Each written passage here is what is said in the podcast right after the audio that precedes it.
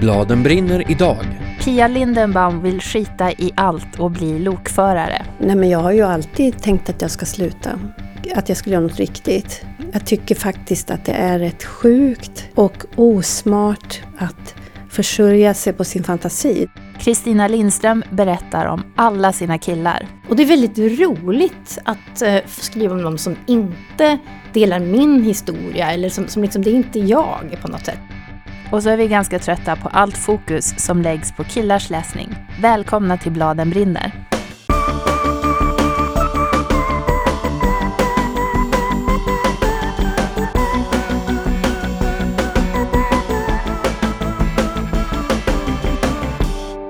I förra avsnittet släppte vi den här lilla bomben. Om vi inte lyckas få ihop pengar till fler säsonger av Bladen brinner så kommer det här programmet att gå i graven lagom till sommaren. Det är hemskt. Ja, det är fruktansvärt. Jag vill inte. inte jag heller.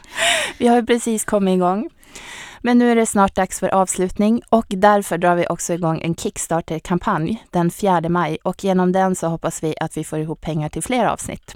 Så vem som helst kommer att kunna gå in och bidra. Kanske kan man ge 100 spänn eller 500 spänn eller vad man nu känner att man kan avvara. Och då kommer man givetvis få podden och kanske bokpaket eller tygpåse eller någonting sånt. Och de här pengarna tänker jag mig då att man kanske vill veta vad de ska gå till. Och vi behöver dem för att till exempel kunna hyra en studio, betala vår producent och klippare för alla timmars jobb han lägger ner och så behöver vi kunna ge frilansare arvoden. Och så måste vi också själva kunna täcka upp åtminstone lite rent ekonomiskt för all den arbetstid som vi lägger ner på det här. Jag läste någonstans att tv-programmet Babel har en redaktion på 18 personer. 18? Vi är två och det går åt ganska många timmar. Ja, så du som lyssnar kan inför kampanjen hjälpa oss på lite olika sätt. Kanske är det så att du jobbar på ett ställe som skulle kunna gå in som sponsor till Bladen brinner. Då kan du genast börja dra i lite sådana trådar. Sen hjälper det oss också om du delar information som vi sprider om det här Följ oss på Facebook för att inte missa någonting eller på Instagram och dela gärna våra inlägg så att fler människor hittar till oss. Jag brukar ofta tänka att det är så himla löjligt det här att hålla på och sprida länkar eller gilla tweetar. Men i det här fallet är det inte löjligt för det hjälper oss väldigt mycket. Vi är ju som sagt då två personer. Jag heter Johanna Lindbäck. Och jag heter Lisa Bjärbo.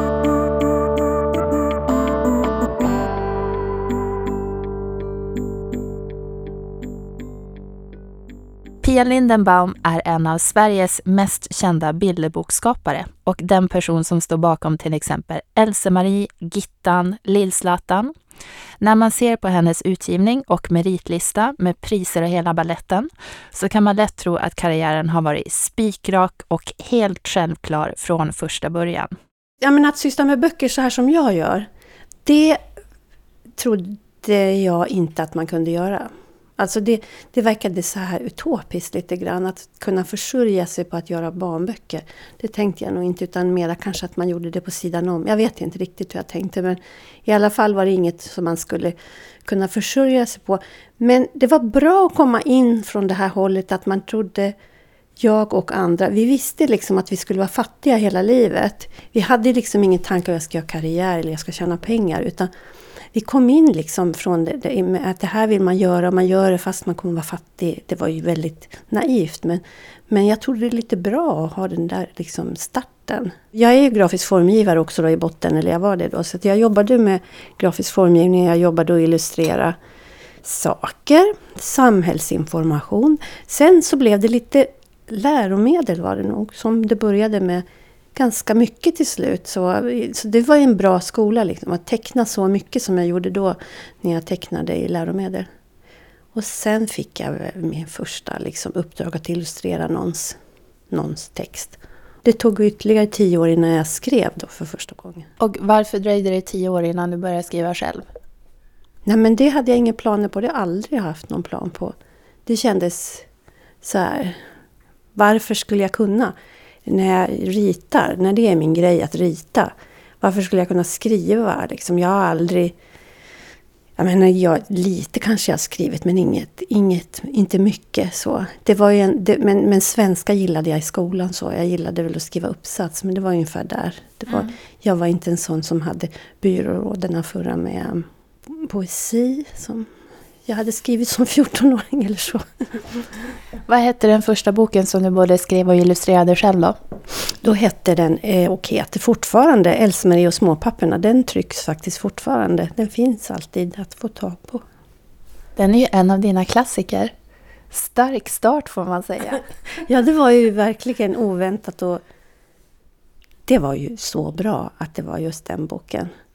Tydligen så var den, så var den tillräckligt konstig för att folk hade mycket tankar och undringar om den. Att den inte bara passerade liksom, utan det vart prat om den. Och det tror jag har varit väldigt bra för mig för att då, då ibland har jag en känsla av att den har legat grunden för att folk har tagit sig tid och, och analyserat mina kommande bilderböcker på, på ett mera liksom ambitiöst sätt än, än, man, än man kanske hade gjort annars. Mm. Hur är en typisk Pia Lindenbaum-bok? Den är ju inte så jävla artig sådär. De, jag skulle ju ibland vilja vara lite mer artig. Jag, jag, det är ju lite tråkiga bilder och så. Är det? ja, nej men alltså de är ju inte så... De är, om, du, om man talar om så här, att vara nyskapande och så, så det, det har jag ju aldrig varit. Och jag kan ju inte fast jag har försökt. Liksom. Det, är inte, det är inte där som min styrka finns utan det är något annat.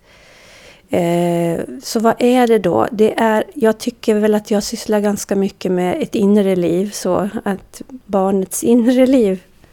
Låter det töntigt? Nej, ja, nej men jag, eh, det, det, är väl ganska mycket psykologi liksom. Och, eh, visst händer det väl saker också men jag tycker det där inre livet är väldigt spännande.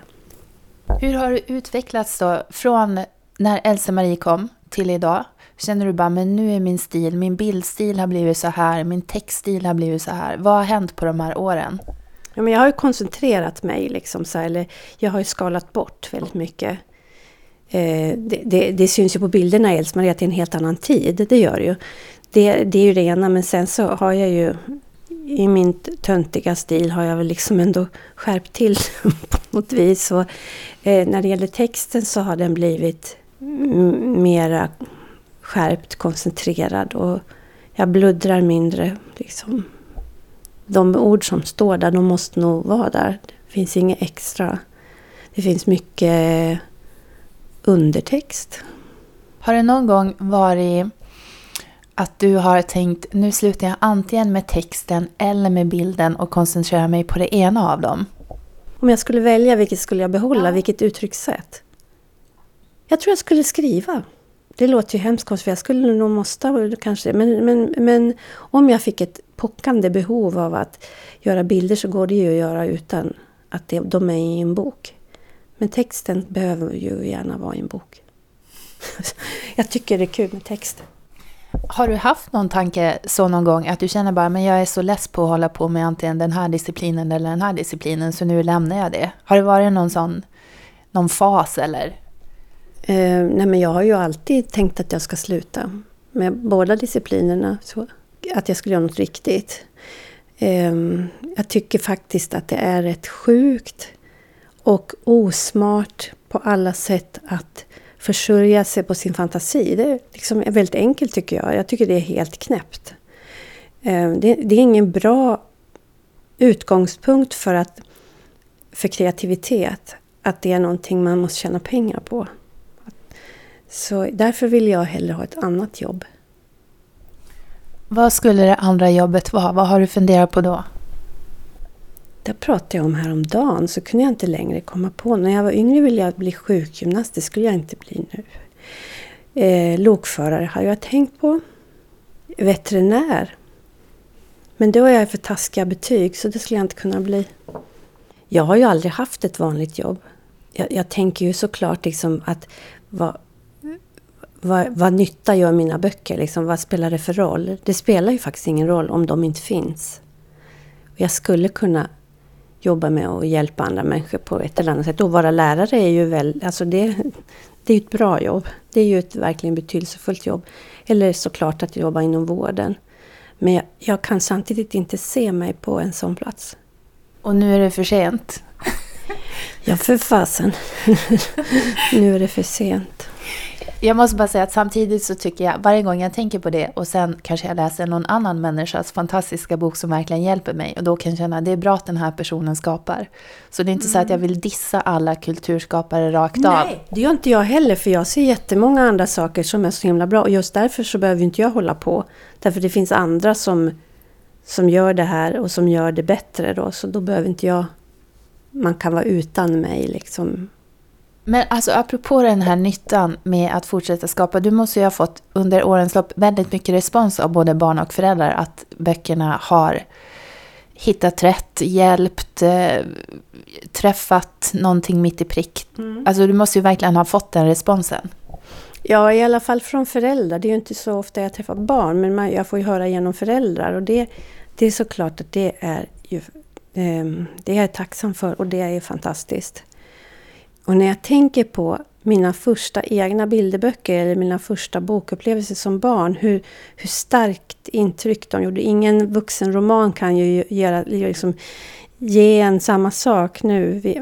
Men de första böckerna som jag fick som, eller läste som, som småunge, de är ju som inbrända i en. Alltså, det, jag kan se alla illustrationerna, de bilderna kan jag ju precis. Jag skulle kunna rita av dem känns det som. Mm. I, I minnet bara. Och, och texten är också, inte alla gånger, jag minns faktiskt mest bilderna, men att de hade stor betydelse för Jag vet vilka böcker jag återvände till hela tiden just för att de hade så stor betydelse.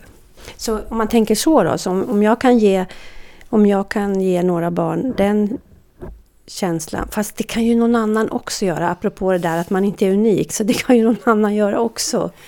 Men, men att eh, böcker för barn, de är ju... Ja, de, de är speciellt viktiga därför att man ha, har inte så mycket erfarenheter.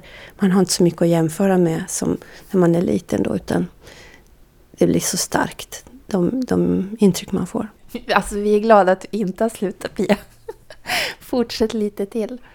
Jag tänkte, ja, nu går det an att fortsätta. Alltså, jag plågades ju, så, det, nu låter det här väldigt överdrivet, men jag var ju ganska olycklig många år när jag började jobba. Alltså för att jag kämpade så himla mycket så att jag, ja, men så jag faktiskt grät när jag jobbade för att det var så svårt tyckte jag. Och, och jag tycker att det känns liksom ändå... Det, det där krampen, den har släppt liksom. Även om jag fortfarande kämpar och tycker att det är svårt. Alltså jag tycker det är jättesvårt att göra bilder. Jag tycker det är jättesvårt att hitta färger som jag vill ha. Att få de rätta uttrycken som jag vill ha. Eh, så det, det är svårt fast jag har inte kramp. Nu har du ju pratat om att du hela tiden tänker så här, och, eller tänkte förut i alla fall, kanske ska man göra någonting annat. Men du har ändå fortsatt och du har gett ut flera böcker, mm. även om du inte tycker att det är många. Vad, tycker vad har det gett dig att du har fått ägna dig åt det här? Åh, det har gett mig så mycket. Jag har aldrig tänkt på den saken som du säger nu. Det var väldigt fint att du ställde den frågan. Faktiskt så, här, så känner jag mig så tacksam att jag har kunnat få göra det.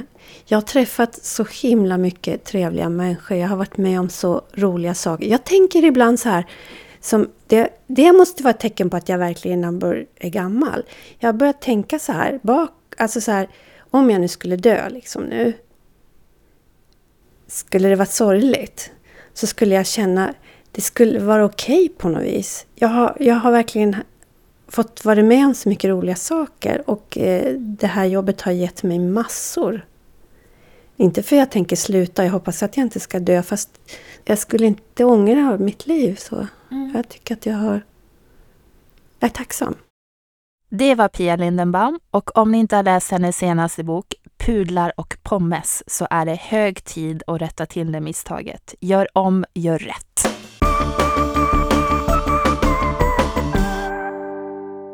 De senaste åren har det gjorts väldigt många satsningar och skrivits en hel del böcker riktade till läsovilliga killar.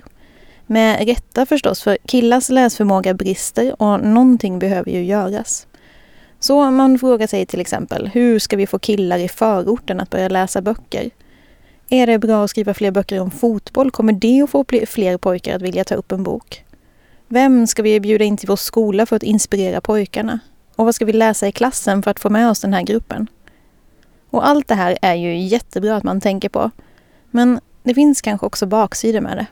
Lisa, berätta om alla läsprojekt vi har hört som fokuserar på tjejer som inte vill läsa. Kanske är det så att någon skola eller en kommun har gjort något riktigt storslaget och bjudit in typ Clara Henry eller Linda Pira för att peppa tjejerna. Har du några sådana? Mm, nej, jag har ju tyvärr no exakt noll sådana på lager. Jag har också noll. Ja, och det är ju exakt det som man så lätt fastnar i tycker jag. Att det är ju såklart skitbra om en skola bjuder in Petter eller Ison och få med sig killarna på det sättet. Och det är ju jättehärligt om det skrivs fotbollsböcker som får pojkar att eh, plocka upp en bok för första gången i sitt liv. Det är ingen som har någonting emot det. Men det är ju så lätt att glömma alla de andra. Men när vi började diskutera det här, eller vi pratade om att vi skulle ha det här inslaget och då sa jag vi kan inte säga att vi är skitless på killar och då sa du jo det kan vi. det kan vi faktiskt. vad, är det, vad är det du är less på? Nej, men jag, är, eh, jag är ju framförallt väldigt less på allt det här fokuset som alltid läggs på killarna som inte vill läsa. Och att man i det ofta, väldigt ofta glömmer bort de eh, killarna som vill läsa men också tjejerna som är jättevana läsare. Och vi har ju båda varit på jättemånga skolbesök och jag är, är framförallt väldigt mycket på högstadiet. Och jag tycker att man, det hela tiden är så att man måste utgå från de här killarna som sitter i ett hörn och verkligen är ointresserade av vad man har att säga när man kommer dit. Mm. Och att det kanske då sitter tre, fyra, fem tjejer längst fram och tindrar med ögonen och tycker att det här är den bästa lektionen vi har haft på hela högstadiet. Men de glömmer man bort, även jag som innan lektionen tänker att nu ska jag nu ska jag göra det här för tjejerna som sitter längst fram. Så är det ändå så att jag märker att jag själv lägger fokus på de kanske störiga killarna eller de som man måste få med sig för att lektionen ska funka. Och det är just det där, om man inte får med sig dem så blir det verkligen helt kört. Ja, för tjejer är ju traditionellt otroligt mycket bättre på att, eh, att anpassa sig, tänker jag. Att när Ison eller Petter kommer till deras skola och får med sig killarna så får de också med sig tjejerna. För tjejerna är så inövade på det där att liksom hänga med och läsa om killar till exempel i huvudrollen på en bok. Men mm. killar är det som att de inte kan det alls på samma sätt. Så att de måste ha någonting som är exakt riktat till dem för att de ska få upp något slags intresse. Och det blir jag så otroligt trött på. Ja, och det är faktiskt så att tjejer har också tappat i läsförmåga. Det är inte bara killarna som har sackat efter. Eh, man kan kolla det här i PISA-statistiken. Så överlag har ganska många elever i Sverige blivit sämre på att läsa. Men trots det så är det liksom, det kommer ingenting som är riktat mot tjejer. Nej. Det, är, det är verkligen en super, super stor skillnad mellan könen. Att allt fokus, när det kommer så här pressmeddelanden från förlag och sånt, då är det just killar man har riktat in sig på. Vad gör man egentligen för tjejer? Jag vet inte. Gör, gör man något? Nej, men jag vet inte heller. Jag har ingen aning om vad vill tjejer som till exempel bor i förorten, vad vill de läsa om? Nej, för man har ju läst 10 000 artiklar om vad killarna i förorten vill läsa om och hur man ska nå dem och vad, hur man måste jobba. Men vad vill tjejerna läsa? Det vet man inte så mycket om. Nej. Kan det vara Clara Henrys mensbok? Jag har ingen aning, jag bara drog till med någonting. Ja. Eh, och sen är det också så att det finns ju, nu är det inte så att alla hatar att läsa och det här är liksom en annan grupp som också är väldigt negligerad, precis som du var inne på. Så tjejer som inte gillar att läsa, de skiter vi Och alla människor som gillar att läsa, de skiter vi också. Ja, för de är ju inget problem. De kan ju redan, de är ju högpresterande och duktiga och sitter där längst fram och är oftast inte störiga. De gör liksom inte så mycket väsen av sig, de räcker snällt upp handen och ställer in eh, liksom smarta frågor om saker som de har läst på om. Det är ju ingen som tycker att de är något större problem. De bara glider med och det är ju ja, det är ju härligt för alla inblandade att de glider med och att de är duktiga. Eller också blir det bara så att de får liksom stå ut på den här lektionen när de störiga killarna vill visa hur mycket de hatar läsning. Ja. Några sådana skolbesök har vi också varit med om. Ja, det är helt hemskt. Ja, jag var på ett eh, skolbesök som var mitt eh, värsta en gång, där det var ju så, det var en stor samling där eh, killarna var väldigt, väldigt störiga och liksom satt och upp, högljutt protesterade och kollade på Youtube istället eller kastade grejer eller la sig ner ner och sov i bänkarna och så. Och då hade jag också sen på kvällen en skrivkurs på biblioteket och då kom det några tjejer ur den här klassen dit. Och de sa då, det första de sa så här, förlåt för killarna i vår klass hur de betedde sig idag. Och så sa jag så här, men brukar de vara så här? Och de bara, ja, eh, det här är vi jättevana vid. Det enklaste är att bara glida med och inte säga någonting för det blir bara värre. Nu är vi här, nu kan vi prata med dig ikväll. Oh, och man vet. blir så otroligt deprimerad. Det är hela deras skolgång som bara ska gå ut på att stå ut med att ja. inte får ta någon plats. Jag har, alltså hur många lektioner har man inte haft sådär när tjejerna på vägen ut ber om ursäkt eller bara kommer fram och säger Jag har läst din bok, det var jätteroligt. Ja. Och det var liksom, det törs man aldrig säga under lektionen. Nej. För då är det någon annan som styr. Det som jag känner väldigt starkt efter att ha gjort eh, hundra skolbesök i klasser där jag har antingen råkat eller liksom ombetts att lägga fokus på de här som inte vill läsa eller som är svåra att få med sig. Det är ju att jag skulle vilja lyfta upp resten, eh, de som kanske inte alls behöver samma stöd men som ändå finns där. Jag skulle vilja ta dem och liksom få fokusera på dem bara någon gång ibland. Eh, och då menar jag såklart inte att liksom jag tycker att det är oviktigt att fokusera på killars läsning eller att, eh, att det är dåligt med alla de här satsningarna som görs. Men det är ju bara det att det finns ju en massa andra också som, som jag skulle vilja se satsningar till också.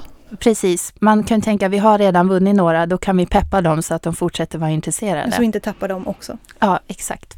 Vad önskar vi då? Ja, men jag önskar att man eh, ibland eh, som omväxling kunde tänka så här, vad vill tjejerna i den här klassen läsa? Eh, hur ska vi få med oss de redan läsande tjejerna? Hur ska vi peppa dem? Till exempel i val av bok som man, jag älskar när klasser läser samma bok och får med Mm. sig hela klassen. Eh, men det jag inte riktigt alltid älskar med det är att det nästan alltid, när man väljer den boken så är det ändå med utgångspunkt i hur man ska få med sig killarna. Så då tänker man att det måste vara en kille som är huvudperson till exempel. Exakt, eller boken måste vara, det måste vara snabbt, det måste vara spännande, det måste vara fartfyllt. Ja, och jag tänker att det kanske inte måste det just i skolan. Alltså det här, det är ju naturligtvis härligt om man får igång läslusten och gör en människa till läsare, men det kommer inte att hända med en bok. Utan det är ju ett nötande som ligger bakom det. Man måste läsa jättemånga böcker Mm. för att bli en läsare. Och är det verkligen skolans uppgift att vara den här eh, härliga som hittade just den boken som får alla att gå igång? Jag vet inte, jag, ty jag tycker inte att det är självklart. Nej men det- alltså, egentligen är det ju så, i skolan har man inte som uppgift att göra elever till läsare, däremot ska de bli läskunniga. Och det är en ganska stor skillnad. Och jag tycker att som förälder så kan man ju ta till alla möjliga knep för att få sina barn att läsa och de får läsa vad som helst. Ja, Men i alla skol, fotbollsböcker i hela världen Ja, kan de gärna få läsa. välj fritt bland fotbollsböcker. Men i skolan är det en annan, eller det ska vara en annan tanke. Och Ja. det här tycker jag ibland att man tappar, att det blir liksom, vi ger efter, vi låter killarna styra, det får bli den här enkla boken. Mm. Det är tråkigt.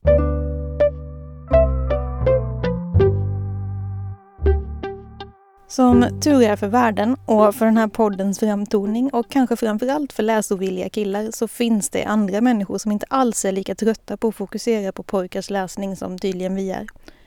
Kristina Lindström är en av dem som har en helt annan känsla inför den här frågan. Hon har skrivit flera böcker för både barn och ungdomar och det gemensamma för dem är manliga huvudpersoner. De heter Jack, Fille, Hugo, Leo och Nils. Det är bara killar så långt ögat når. Det började med att jag i mitt arbete som lärare kände att jag saknade en viss typ av bok som jag ville sätta i händerna på en viss typ av kille. För jag såg det framför mig, flera läsovilliga killar som eh, möjligen skulle kunna läsa lite action sådär, som gillar actionfilmer och den typen av eh, kanske böcker också då, deckare eller så. Men jag skulle vilja ha lite någonting, eh, baka in lite relationer och eh, tankar om livet sådär. Eh, så det började med att jag skrev hälsningar, det som blev boken Hälsningar från havets botten. Och då kändes det väldigt naturligt att det var den typen av kille jag ville skriva om som fick eh, vara huvudperson helt enkelt. Och sen så eh, har jag haft väldigt mycket killar i mitt liv, eller jag på att säga. Det lät, konstigt. Eh, jag är mamma till, till två pojkar och så har jag jobbat eh, som gymnasielärare på ett program med framförallt killar eh, under flera år. Så det känns som att jag har, ja, jag har sett eh, rätt många killar som jag känner att jag eh, har blivit inspirerad av och velat, eh, eh, velat skriva om. så. När du sa det här att du ville ge dem en bok som inte bara var action utan också lite andra saker. Var det, var det det att de efterlyste det eller tänkte du de borde läsa det här istället? Nej, de efterlyste inte alls det. Eh, utan det var liksom fröken, fröken i mig som, eh, som kände så. Eh, men också liksom att, att jag kände att de, när det gäller hälsningar från havsbotten, jag kände att huvudpersonen där heter Fille. Och jag kände att killar som Fille kanske har svårt att känna igen sig i många Eh, i många böcker, ungdomsböcker och sådär. Eh, och min senaste ungdomsbok som heter Jack, den handlar om en kille som är ganska typisk kille eh, på många sätt. Hockey, innebandykille, snusande sådär. Och jag tror att bokvärlden och framförallt ungdomsbokvärlden, den, den skildrar ju killar ibland men ganska sällan de mer traditionella killarna, eller vad man ska säga. Men det är ju så otroligt viktigt att de också får, får plats i ungdomslitteratur, att de också blir läsande människor som reflekterar och liksom, eh, ja, blir bra samhällsmedborgare. Liksom. Vad är de traditionella killarna? Eh, ja, det kan man ju verkligen fråga sig. Men då menar jag sådana som, som, som eh, ja, historiskt sett har känts som killiga, med lite sådär eh, hårdare, lite hårdare drag kanske. Eh, när jag ser några av de här, jag har jobbat på teknikprogrammet länge. I vissa klasser när jag kommer in så sitter alla väldigt bredbent och vickar på stolen och snusar och använder liksom ett språk som tjejer ofta inte skulle använda. Alltså in, inte, inte så illa liksom, men, men det är rätt mycket svordomar och, eh, och dessutom ibland ganska dåligt språk i och för sig. Eh, men jag tror att de behöver känna igen det också i en bok till exempel. För att känna, ja men det här är någon som är ungefär som jag. Eh, och det är inte säkert att det är, jag vet inte om traditionellt är egentligen rätta ordet, men killigt killiga på något sätt, mm. om man får säga så. Mm. Och det är väldigt roligt att eh, skriva om någon som inte delar min historia. Eller som, som liksom, det är inte jag på något sätt det här. Utan det är någon helt annan som jag får gå in i och få bli en del av. Det, det känns ju som ett privilegium när man, när man skriver böcker, att man har möjlighet att göra det. För jag tror att det är ganska vanligt att många som skriver eh, ungdomsböcker eller alla sorters böcker plocka fram den de själv var en gång. Alltså en vuxen som skriver en ungdomsbok kanske lånar rätt många drag från sig själv. Och då är det ganska, ganska många akademiker framförallt, många kvinnor som skriver. Eh, och som kommer ihåg sig själva som eh, kanske intresserade av att läsa och som, en, som har, redan har börjat sitt inträde i kulturvärlden på något sätt. Eh, och så, så var jag också. Alltså jag, jag har läst ända sedan jag var liten och har, nog, har inte varit, har inte upp, känt att jag eh, har stuckit ut på det sättet. så. Men jag känner att det är inte det som jag har varit intresserad av att eh, fördjupa mig i, eller skildra sådär i böckerna. Hur tänker du när du skriver då? Hur blir en bra kille om man ska vara i dina böcker? Hur är en bra killig huvudperson? Jag skriver inte utifrån hur jag tycker att det borde vara i första hand. Jag vet att det finns eh, en och annan läsare och kanske recensent som tycker att en bok är bra om eh, karaktärerna är ganska idealiska. Liksom, eh, som speglar, kanske, kanske politiskt eller hur det nu kan vara, eh, det som läsaren själv eh, tror på. Sådär. Men eh, så har jag inte liksom, skrivit riktigt, utan hellre utgått från människor som jag som sagt har sett runt omkring mig. Eh, men sådana som ändå har en, en vilja att, att utvecklas sådär. Eh, det, det har jag känt som viktigt i alla böcker. En vilja att, eh, eh, en vilja att lyfta fram sin mjukare sida och att se nya saker och sådär. Vara öppen för andra sätt att se på saker. Mm. Vilka stereotyper ska man inte ta med när man skriver en kille? Eh, menar du stereotypiska drag? Ja. Jag vet inte riktigt. Nu min, min senaste bok, Hugo och kepskampen, den, han är, den killen, Hugo, är inte alls typiskt killig, liksom, om, om man uttrycker det så. Eh, och då tror jag till exempel då, för den handlar väldigt, väldigt mycket om vad manlighet nästan är för ett, för ett barn. Eh, och, det har jag, och där har jag verkligen erfarenhet som mamma känner jag av att jag har sett, alltså det har varit en chock att se vad det har inneburit liksom för barnen när de kommer upp i mellanstadieåldern. Att, Eh, det, det, är så mycket som inte är okej. Okay. Det är inte okej okay att vara glad riktigt till exempel. Är man hemma kanske eller, eller ehm, i samband där man kan slappna av. Men med kompisar så är man liksom, rynkar man pannan och pratar, liksom, pratar med monoton röst redan innan de har kommit i målbrottet. Och dels kan det vara smärtsamt, nu ska jag uttrycka det lite allmänt, dels kan det vara smärtsamt om man, har, om man är förälder till ett barn som är väldigt livligt öppet så kan det vara smärtsamt att se hur, hur det barnet liksom bemöts av, av eh, en annan typ av killar. Eller, eller när man ser sitt, sitt barn bemöta andra som kanske glatt säger hej och kanske ger en kram och sådär. Och och man kanske ser sitt eget barn till exempel backa undan eller liksom mm, rynka pannan och markera att det här är inte okej. Okay. Så är det, det är ju väldigt smärtsamt som förälder att se det oavsett hur ens eget barn agerar sådär. Ja. Bara att det är så mycket som inte är okej. Okay. Och så är det säkert i, tjej, i tjejers värld också. Men jag ser det så tydligt då som pojkmamma. Um, Eh, att det, det, det där med att liksom inte, visa, inte visa glädje och inte visa varm, alltså varmare känslor, att det är lite coolt att vara lite småtaskig och sådär. Det, det, det är ju väldigt tråkigt så. Men då blir det ju som det här du sa att man, eh, när man skriver att man ska liksom inte skriva en idealiskt, då blir det som en balansgång att man ska skriva realistiskt och samtidigt vill man bara, var glad, jag vill att du ska vara glad, jag ska skriva en sån karaktär. Att man måste hitta den balansen. Ja, jo men precis i mina böcker så, så de slutar ganska hoppfullt. Eh, och de slutar med att alltid med att huvudpersonen har förändrats lite och sådär. Och det, det vet jag att någon eh, skriver någon recension eller så, att det, det, löser sig för lätt. Plötsligt är de så, eh, som om Jack till exempel, Jack är plötsligt så betydligt mjukare och schysstare och, och vill så väl och sådär. Och det är inte riktigt realistiskt. Och det är väl sant. det kanske inte är riktigt realistiskt. Men jag tror verkligen att det finns, alltså självklart att det finns så himla mycket gott i många av de här som låter så hårda och, och liksom eh, låter som om de kanske har något emot homosexuella eller säger väldigt svepande obehagliga saker, till exempel om invandring eller någonting och så knackar man lite på ytan och så finns det inte det där hårda där egentligen. Det är som mer en jargong så. Tycker jag är lite intressant. Alltså som människa tycker jag att det är intressant och det tror jag återspeglas lite i böckerna också. Vad är roligt med de här böckerna? Om du tänker de böcker du har skrivit som handlar om killar. Vad tänker du bara, men det var tur att jag fick till det så eller så? Jag är glad över att uh, ha skrivit uh, den bok som utspelar sig på mellanstadiet.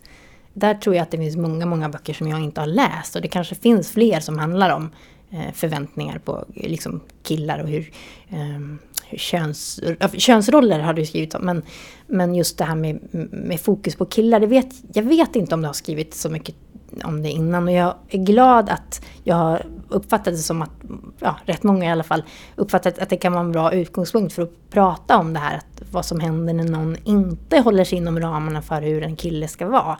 Eh, för det är ju så att tjejer, alltså under alla tider på något sätt, har eh, ofta haft sämre chanser, haft svårare att hävda sig och absolut ska stärkas på alla sätt i litteratur och överallt annars.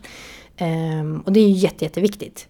Eh, men sen så är det ju som sagt så himla viktigt att, eh, att alla får chansen, att även killarna, hur, hur begränsande könsrollerna är också för, eh, för killar många gånger. Eh, det, det är jag glad över. Jag tror att det, jag, jag tror att det har nått fram liksom i framförallt den, eh, den här barnboken för 9-12 år. Du har skrivit två ungdomsböcker och så har du skrivit ett par barnböcker. Det har varit killar i ganska många av dem. är det här nu, är det din linje eller kommer du att chocka oss och bara nu är det en tjej? ja, för det första måste jag säga att en serie, Ingrid Flygar och jag gör en serie som heter Nils och Maja och så fortsätter det med olika saker. Nils och Maja eh, på båtäventyr heter nästa bok till exempel. Och där, där är de lika mycket eh, personer, både Nils och Maja. Sen så håller jag på att skriva en ungdomsbok nu där jag började, huvudpersonen var en tjej från början. För då tänkte jag, nu, varför ska jag, nu har jag ju testat den här grejen med att skriva killar. Det är liksom inte, det är inte en fix idé så, nu har jag gjort det ett par gånger. Jag måste ju inte skriva om, om, om killar som huvudpersoner. Men det, det, jag fick inte in rätta tonen, det kändes inte mm. rätt. Så tjejen blev en kille eh, efter ett bra tag. Tyvärr, eller vad man ska säga, för jag hoppas ju att jag någon gång kommer att kunna skriva om en tjej som huvudperson. Så, eh, så ja, jag hoppas kunna chocka eh, så småningom. Det var Kristina Lindström som i vår är aktuell med Hugo och kepskampen.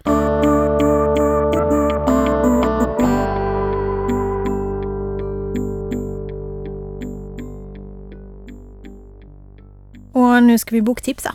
Idag vill jag börja och jag vill tipsa om en bok som inte är den minsta aktuell men som jag alltid, alltid tipsar om när jag träffar på en van läsare som inte behöver insäljningsord som fotboll eller skitspännande eller humor eller världen håller på att gå under för att kunna tänka sig att ta upp en bok.